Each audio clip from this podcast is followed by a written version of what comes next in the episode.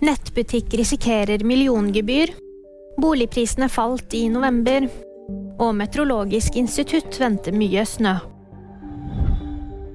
Forbrukertilsynet varsler at nettbutikken Stay Classy kan få et milliongebyr for villedende markedsføring.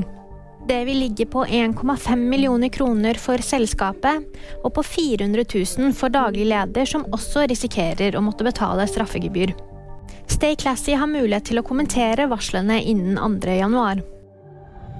Boligprisene falt med 2,2% i november. Korrigert for sesongen så falt de med 0,9% det går fortsatt fort å selge en bolig i Norge, men det er solgt 14% færre boliger i november sammenlignet med i fjor. Det sier administrerende direktør i Eiendom Norge. Meteorologisk institutt varsler 25 cm snø i Trøndelag og Møre og Romsdal. Farevarselet gjelder fra natt til tirsdag og til onsdag kveld. Det kan dermed bli vanskelige kjøreforhold i området de neste dagene. Og VG-nyhetene de fikk du av meg, Jamund Britt Gahr.